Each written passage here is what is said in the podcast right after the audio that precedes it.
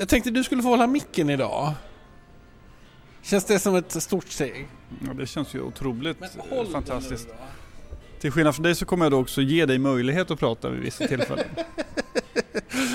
Ja men vad jättebra. Du, vi sitter här på Rish och eh, jag tänker att vår podd den är lite som, jag var på Teatergrillen häromdagen och eh, käkade middag med min son. Jag tänkte vi är liksom vi är inte ens en gång Rish, vi är liksom Teatergrillen, vi är Franzén, vi är det där exklusiva. Så att, har du hittat den här podcasten, berätta det inte för någon utan tänk så här, detta är en hemlighet att jag får vara med här och lyssna. Lite töntigt kanske. Ja. Eh. Du har däremot, Viggo Kavling, läst en eh, ny och eh, aktuell bok skriven av Anna Hedemo som handlar om den framlidne reporter, eh, skribenten får man säga, och författaren Annette Kullenberg. Hur var det? Nej men eh, den... Eh, ja, men jag tänkte jag skulle prata lite om den. Annette Kullenberg då för er som inte vet, hon var en profil i Sverige på 1900-talet i första hand och lyckades klamra sig en bit in på 2000-talet. Eh, men jag tänkte på det att hon är ju en typisk 1900-talsmänniska i det att hon var extremt självupptagen och eh, hennes eh, förmåga att samverka med andra var oerhört begränsad under hela hennes liv och, och det var länge under 1900-talet så fick sådana här personer eh, väldigt stor framgång. Det mest kända exemplet är ju Hitler. Han var ju extremt självupptagen. Jag har ett annat exempel som är värt att lyfta fram. Vad tänkte du på då eller? Viggo Kavling tänkte jag på. Nej men alltså jag tycker inte att jag är så eh, på det sättet självupptagen i det i min gärning så. Så Anette Kullenberg, eh, hon var ju liksom, hon kunde ju inte riktigt samarbeta med någon förutom vid ett enda tillfälle då hon slog sig ihop med kvinnorna på Aftonbladet och författade något som kallas för Dokumentet. Ett, eh, man, du vet, alla kvinnor... Det första metoo-manifestet Ja, kan man säga. precis. Det var metoo långt, långt, långt, långt före metoo. Och det var ju innan internet så de var ju tvungna att samla, de skrev ner på papper och så delade de ut till alla som jobbar på Aftonbladet ja, men hur fulla gubbarna var, hur mycket de tog dem i ändan och vilka svinaktiga, vidriga människor de var och jämställdhet den var noll. Annette Kullenberg sägs Förlåt, ju... jag väntar lite. Och detta ledde då till en enda sak, nämligen att Kullenberg fick mer makt på tidningen. Hon fick de finaste förläningarna och lyckades komma in, men i övrigt så tog det ju lång tid innan kvinnokampen på Aftonbladet blev någonting. Det är först nu som den har blivit något när Lena Melin och, och eh, vad hette det, nu kommer jag inte på vad chefredaktören på Aftonbladet heter det, men hon som tidigare var på Svenskan, eh, säg vad hon heter. Lena... K Samuelsson. Hon, ja, nej men nu är det ju... Nu är, ju, nu är det på ett annat sätt helt enkelt. Eh, du, du, förlåt. Kan inte du hålla micken? Det är ju bara du som pratar ändå. Annette Kullenberg. Eh, Ja, vad är din bild av Anette Kullenberg? Ja, men, eh, tack för att du frågade. Hon blev ju aldrig chefredaktör som du säger, men hon blev den absolut... Eh, nu ringer någon från Norge till dig, ska du svara eller? Nej, jag ska inte göra. Eh, hon blev ju den absolut, eh, på, sin, på sin tid den mest eh, profilerade skribenten och det var hennes penna man ville läsa på den tiden. Hon var otroligt vass, arrogant, elegant. Eh, jag har haft för, eh, förmånen att eh, träffa henne, intervjuat henne åtminstone en gång. Jag intervjuat henne en gång i, eh, när vi hade det programmet Resumé på TV8. Då var hon... Och det Är här hon med där? hon var med där och det här är intressant för det här flätar samman till Anna Hedemos bok. Då var Anette Kullenberg på plats i studion för att hon hade skrivit en bok om Marianne Höök som var sin tids Anette Kullenberg kan man säga. Boken har, tycker jag, den briljanta titeln Jag var självlockig, moderslös, gripande och ett monster av förljugenhet. En, en, biograf, en biografi, förlåt, en biografi om Marianne Höök av Anette Kullenberg. Och Marianne Höök var då en enastående skribent och modeikon under 50 och 60-talen, känd för sina dräpande krönikor och sin eleganta framtoning. Exakt så skulle man kunna beskriva eh, Annette Kullenberg också. Nu har då Anna Hedenmo skrivit en biografi om Annette Kullenberg. Om man skulle se linan då, Marianne Höök, Annette Kullenberg, Anna Hedenmo. Kan man beskriva? Anna Hedenmo. Alltså jag tycker ju... Ja, men jag läste ut boken i, i natt här och jag måste säga jag tycker att eh, Anna Hedenmo hon liksom skummar av Anette Kullenberg. Jag, jag tycker att den, den är väldigt grund boken och anledningen till att jag tycker det är det för att jag precis innan hade läst Åsne Seierstads bok om afghanerna och där har vi liksom en berättelse i världsklass. Eh, Anna Hedemos bok den, eh, den är ju lite som en bagatell. Det är lite som en krönika på baksidan av Aftonbladet på den tiden. Som, alltså, alltså den, den, den på något sätt ja, den är inte så, den är liksom tunn boken. Jag tycker, eh, och jag undrar vad det beror på. Och jag tror ett att Anna Hedemo hade så mycket att göra för att skriva en seriös biografi. Och den andra anledningen är liksom att eh, Ja, nej men... Jag, en sak nu. jag tror att eh, dels så ska man ju komma ihåg att det här är Anna Hedenmos eh, debut och det är inget lätt ämne hon har gett sig i kast med. Det, eh, jag tror också, är det så att man måste vara en Annette Kullenberg för att skriva om en Annette Kullenberg? Nej, men jag, för det första, jo det som jag tänkte då, dramaturgiskt sett så är ju boken Alltså den går igenom hela Annette Kullenbergs liv och, eh, och på något sätt istället för att djupdyka, jag vet att Göran Greider skrev att han tyckte det skulle stå mer om, om hennes böcker och så, för det liksom, de hyvlas av, allting hyvlas liksom av lite för snabbt. Jag tycker de här kärleksrelationerna hon hade med, med en Times-reporter, bara den är ju som en roman i sig och, och det knyter mig till grundförutsättningen att mänskligt liv från början till slut är, har väldigt dålig dramaturgi. Jag tror också, om man ska vara, eh, jag tycker biografer är ju oftast alldeles för lojala mot tidslinjen. Man borde ju bara välja ut eh, de, som du är inne på, de kapitel som är intressanta. Då kan man skära det på ett annat sätt. Man kan skära det genom personer eller enstaka händelser, men man behöver inte förstå varenda år i tonåren fram till 25 eller vad det nu är för någonting. Jag vill komma tillbaks till frågan nu eh, om det är så att när man ska skriva om en person som är så här otroligt excentrisk som Anette Kullenberg var, måste man vara lika då? Anette Kullenberg och Marianne Höök var otroligt lika. Jag upplever inte att Anna Hedemo per automatik så att säga är den tredje länken i den kedjan. Gör du det? Nej, jag tycker ju att den som sk borde skrivit boken skulle ju varit Björn Aklén. Han, Björn Aklén är ju liksom den närmaste vi kommer Annette Kullenberg idag. Han är ju en skribent som har en penna som, du vet bara man ser honom så, så måste man läsa artikeln. Och han på något sätt, han har också den här liksom han, är, han har, använder ju Anette Kullenbergs teknik också. Det där att han kommer, han ser ut som en liten söt dagispojke och sen så liksom lispar han runt där med exempelvis Peje Emilsson och, och liksom gullar med honom och ja, han gullar ju upp överklassen och sen så när han sätter sig vid tangenterna och skriver då, eh, då är det liksom krig. Då ska han liksom avskaffa överklassen, han ska avskaffa friskolekapitalet. Det är liksom, och det är, Anette Kullenberg var ju precis samma sak. Hon, Åh, hon kommer och pratar med sin jobbiga röst och så så Åh, säger du det? Vad trevligt.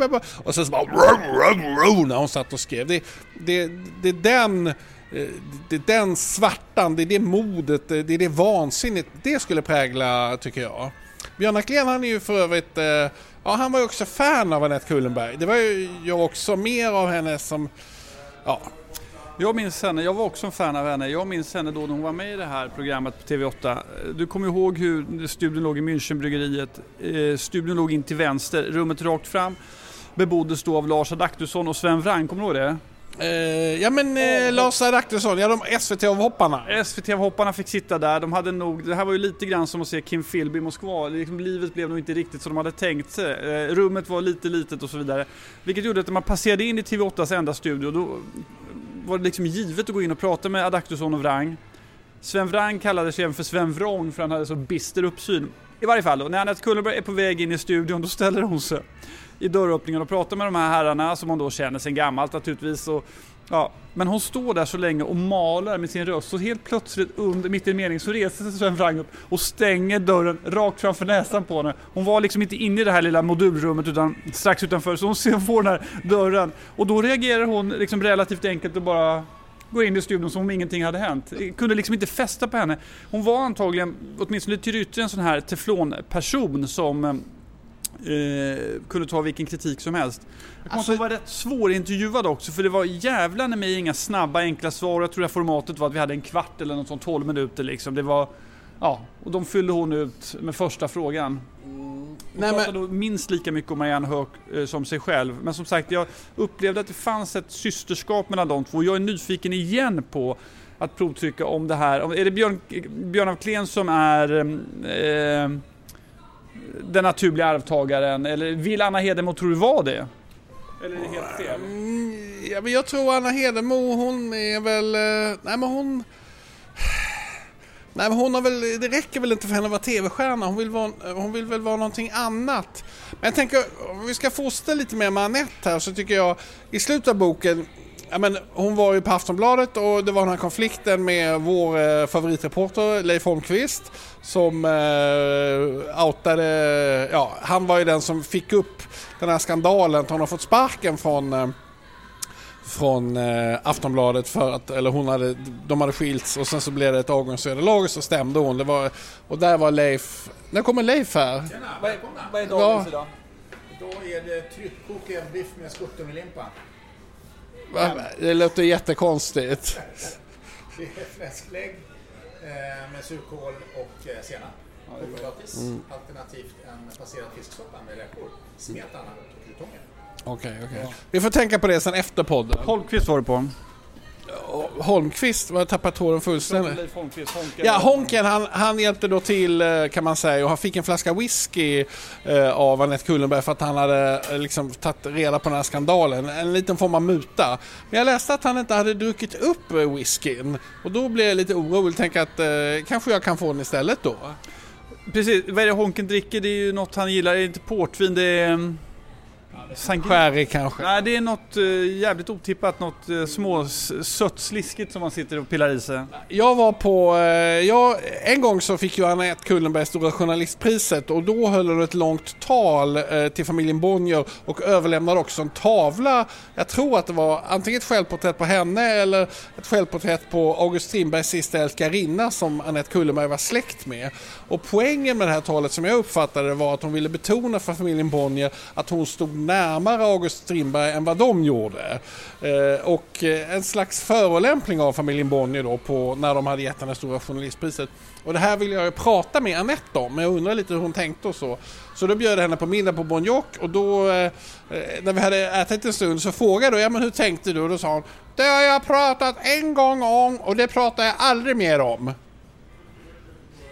Nej, det lyckades inte lika ut. En apropå... Och, och sen efter det började hon klaga på spriten på restaurangen. Hon ville ha en aperitif som man hade det på Mallorca och i Palma och det fanns inte. Och alla i personalen blev helt galna. Du, eh, vad ska jag säga, apropå hennes släktingar så tillhör ju hon, det är ju ett rätt intressant släkte eh, som vi kan eh, ägna några ord om när vi pratar om Anette Kullenberg. Hennes bror var Claes Borgström, känd advokat och Sveriges jämställdhetsombudsman. Dessutom tror jag han blev politiker för Vänsterpartiet mot slutet av sitt liv. Han var väl en av de här riktigt första kändisadvokaterna vi hade i Sverige. Ansågs väl också vara eh, rätt elegant och stilig. Ja, han här gjorde ju ett stort misstag. Fortsätt.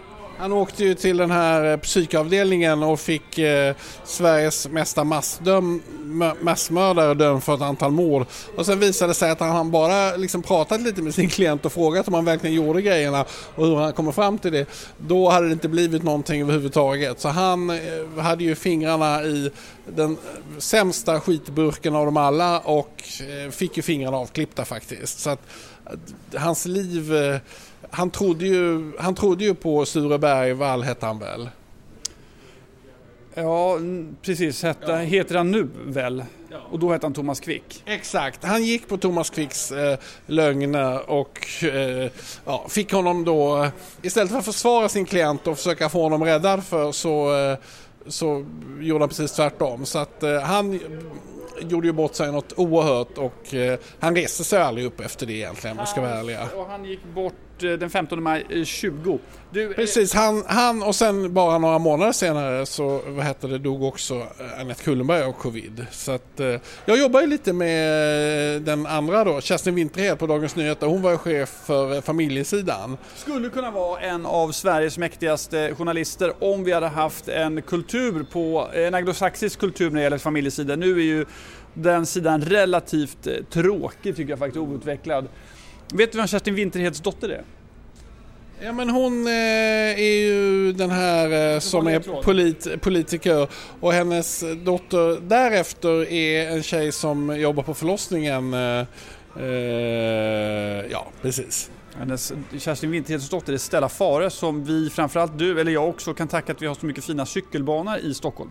Alltså vi har inte så mycket fina cykelbanor om man jämför med Amsterdam eller Köpenhamn, men det är hyfsat. Nej, det där tycker jag är skitsnack faktiskt. Och det är för att jag tycker vi har fina cykelbanor runt om i Stockholm, både centralt. Nej, jag tycker nog faktiskt att vi kan säga att vi har fina cykelbanor i Stockholm. Jag tror också att det, det man verkligen eh, ska förära Stella Fare det för att hon kämpade som fan och det var ingen som ska man ju komma ihåg att för 20 år sedan var det inte, cyklade ju inte folk som vi gör idag. Nej, när jag kom hit till Stockholm var det inte en människa som cyklade och jag sa att jag cyklade och cyklade runt. Jag kommer från Malmö. Det var ju folk trodde att jag var helt galen som cyklar och det är ju, men nu är vi ju tusentals som cyklar. Nu ser ju Slussen ut, det ser ju nästan ut som Essingeleden på morgnarna så det är otroligt tryggt där. Men jag cyklar där varje morgon, det är ett kaos utan dess like. Tyvärr så, eh, jag bidrar ju inte på att upprätthålla moralen i cyklingen utan eh, jag cyklar ju liksom bara runt förbi alla. I Danmark så, då, det kan man ju inte göra i Danmark för att eh, då blir man ju liksom mördad. Så fort du ska prata om Danmark måste du prata på danska, det vet annars får du inte prata om Danmark. Okay, okay. Du, vilka, om vi pratar om de här typerna, eh, Marianne Mörk, eh, Marianne Hög, Marianne Hög och eh, Annette Kullenberg, den typen av journalister, de ska ha stråket eller ett, ett tydligt utpräglad eh, vänsterprofil och vara eh, leva väldigt borgerligt och vara eleganta. Vilka rimmar på det här idag? Vilka skulle kunna vara... Alexandra Pascalidou, har hon ett namn? En kandidat? Hanna Hellqvist, är det ett namn? Hon skriver för mycket socialrealism. Eh. Ja, men Hanna Hellqvist är lite Anette Kullenbergs... Eh, eh men men eh, Hanna Hellqvist och ja, men, eh, det, det, som Alex Schulman håller på med, det är ju liksom på något sätt... Det, det, som, det, är, det är ju personligt utan kunna... att det liksom... Utan att det, det är ju liksom, handlar extremt mycket, det är ju extremt jag-fokuserat utan Annette Kullenberg var ju inte, skrev ju inte om sig själv på det sättet eh, som de gör. Och det, det är ju på något sätt... Eh, nej men, eh, jag tänkte på det, det är ju liksom att eh, bo, både Alex och, och Hanna skriver ju i princip handlar ju allting om eh, deras döda pappor. Och jag har funderat mycket på hur, hur, eftersom min pappa dog när jag var 13 så att jag har ett liknande öde. Jag funderar på om jag skulle hoppa på den genren. Grejen är att jag, jag förstår inte hur de kan komma ihåg så mycket grejer. Ja, just när det gäller Alex Schulmans bok finns det ju också uppfattningen att han inte har kommit ihåg rätt. Alltså. Men det vore väl spännande, det jag har hört dig berätta om din pappa, eh, verkar ju som det finns roman, eh, eller eh, skrivmaterial så att säga. Det finns Nej, ju en bakgrund som är intressant. Tyvärr är ju de här danskar så att eh, svenskar är ju inte så intresserade av danskar så jag funderar mycket på att skriva böckerna i Danmark istället. Men Ska du skriva dem i Danmark? Så att det blir bättre om du ja, nej men man måste, ja, jag funderar, men det...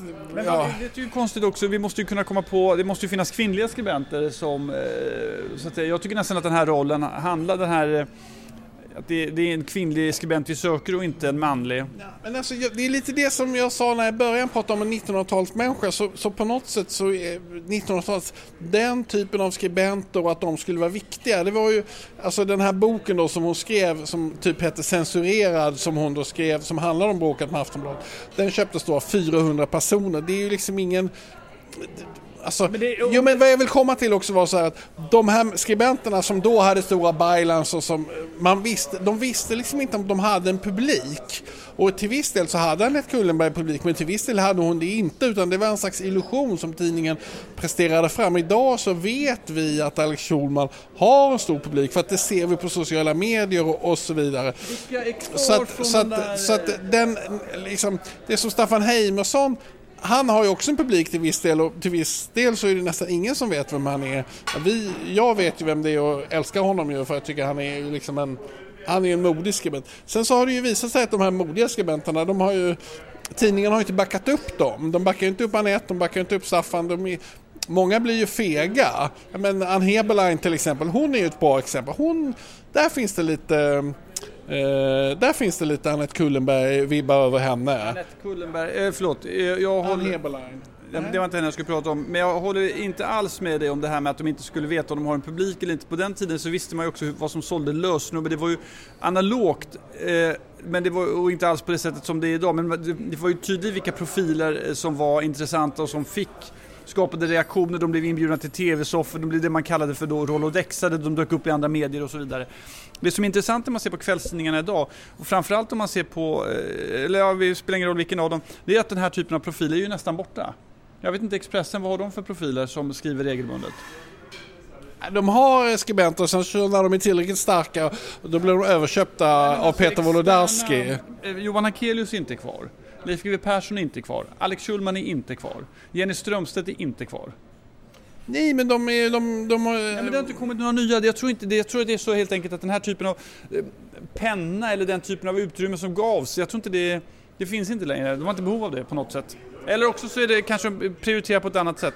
En person som skulle kunna vara en, eh, Alice eh, eh, en Anette Kullenberg är Alice Teodorescu, åtminstone när det kommer till elegansen. Sen är hon allt annat än Eh, en vänsterskribent, det kan man ju inte anklaga henne för. Men, men ehm, som profil eh, och eh, alltså att hon är... Jag är lite fascinerad av Alice Teodorescu för att ibland tycker jag att hon skriver jättebra och, och känns... Ja, men det är precis som... Och ibland så är det så extremt styltigt. Alltså det är väldigt ojämn kvalitet på texterna. Du som... Du kanske inte... Var det så att du redigerade dem ibland på Fokus och ibland inte? Eller? Alice Teodorescu var inte skribent på Fokus när jag jobbade där, när jag var chefredaktör där.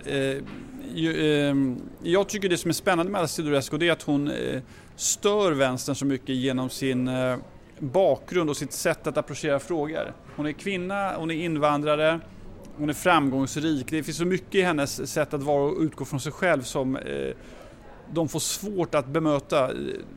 Det blir väldigt lustigt att se på helt enkelt.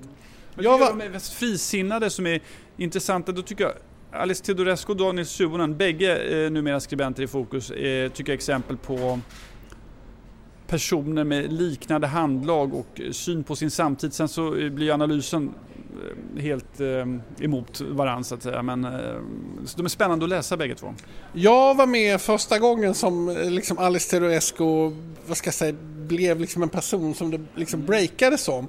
Och då var det liksom, vi var på, eh, det var någon sån här stor, ett stort apberg, tack så mycket kommer menyn här.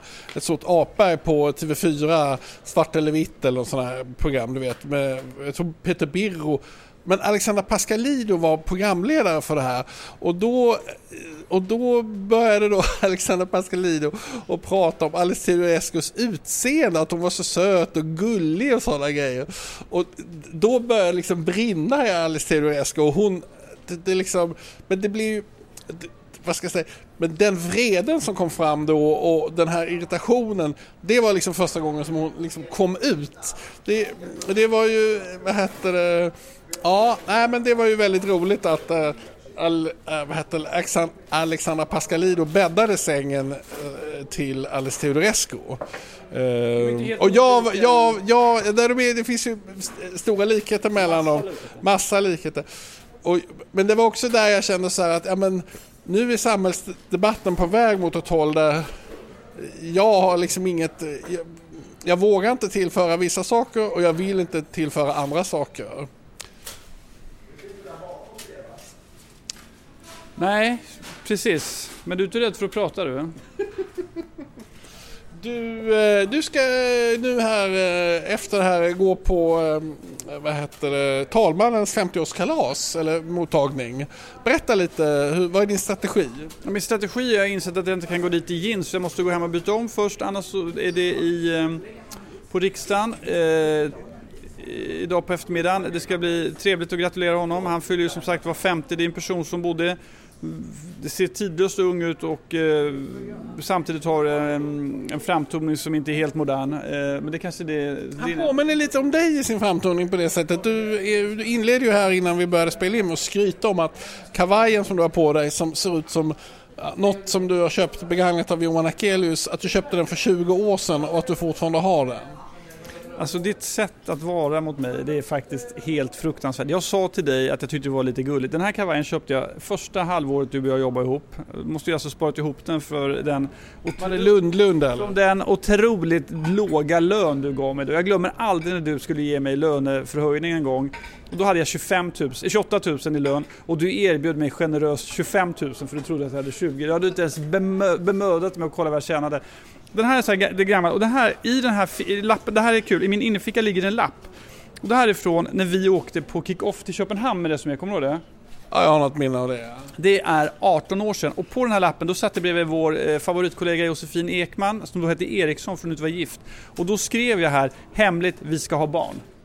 Och Josefin har svarat här coolt månad. Och då satt jag alltså bredvid varandra på den här restaurangen och den lappen ligger kvar i min ficka, den kommer jag aldrig slänga. Ja, men det var lite roligt. Det var Ja. jättegulligt. Ja. Och den är köpt på Rosenborn för övrigt. Nej, den är nog på Rosenborn. Fan är det? Rosenborn står här. Rosenborn, ja. Du, eh, känner vi att vi har hyvlat av det vi skulle eller har du något mer på ditt anteckningsbord? Nej, jag blev så trött av den här jävla monologen du la ut i mitten så jag vet inte vad jag ska säga nu. Kan du rekommendera Anette Kull, eh, pff, Anna Hedemos bok om Anette Kullenberg?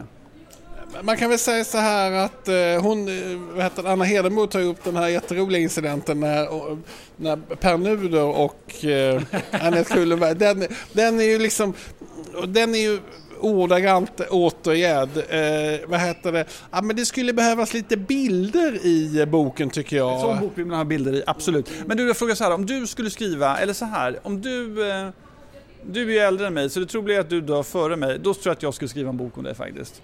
Vem tror du att... Eh, vilket journalistöde tycker du man skulle vilja se i pränt på det här sättet? Heimerson är absolut en sån när det väl blir dags. Han har ju skrivit en jävla massa roliga böcker. Jo, men jag menar att man ska ha en bok om honom. Inte... Kommer du ihåg vad han sa när eh, vi var på middag i Villa Dallas, du och jag, utanför Nice och Cannes, eh, massa år sedan. Han pratade ju ungefär lika mycket som du och sen helt plötsligt frågade han mig en fråga. På du Det här Det var faktiskt jävligt kul. Och då frågade han mig så här, Klas, vilken är Sveriges bästa skribent? Och jag vet eh, liksom eh, tänka, oj nu ska jag få prata efter fyra timmars tystnad. Så då säger jag så här, jag tycker Johan Akelius skriver rätt bra. Och då svarar han reptilsnabbt, Klas, han är inte ens den bästa skribenten i den familjen. det jag själv var, var jävligt roligt. Heimerson, biografi om Heimerson så småningom, vilka finns det mer?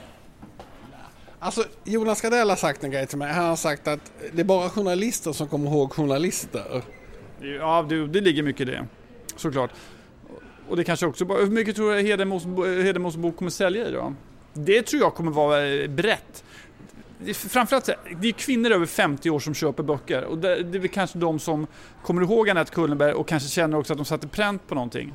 Är det det här Monivodal, eh, Mondial tror du tänker? Mondial, är de som har givit ut det va? Ja, det vet jag inte, det är du som har läst boken. Jo men jag tror att det är Mondial, eller Volante, jag glömmer alltid, blandar alltid ihop Nej, dem. Volante är det inte. Den, den här är ju liksom... Eh, den är inte så... Nej, den är inte liksom vetenskapligt pretentiös utan det är precis... Ja, men jag tror att de har hittat en, de har hittat en genre, ett sätt... Jag tror de producerar böckerna ganska snabbt och eh, ja, men de skjuter, de flödar på.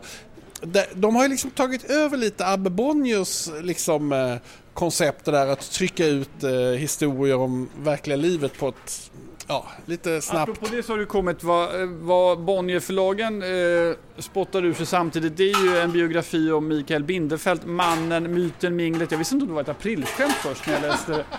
Men det verkar det ju inte vara helt enkelt. Eh, kommer du läsa den? Nej, det kommer jag inte göra. Det som jag kan fascineras av Mikael Bindefeld det är liksom, och det har jag tänkt på själv, ja, men om man är den som är värd och bjuder in folk då får man en fruktansvärd makt alltså. Att folk Ja, men för lite snittar och ett glas eh, gratis vin, eh, gratis lådvin är beredda att ställa upp en hel kväll eh, om sällskapet är det rätta. Det är tid- djupt fascinerande. det fan- Jag håller med, det där är ju något som inte går längre. Men det fanns ju en tid då eh, människor, eh, inklusive du och jag, kunde stå i Kodak-butiken en torsdagkväll bara för att han hade sagt att man skulle stå där. Och man var jävligt glad för man fick komma dit. Men det, där, eh, det beteendet funkar ju inte och jag tror att den makten han eventuellt hade inte funkar eh, alls längre.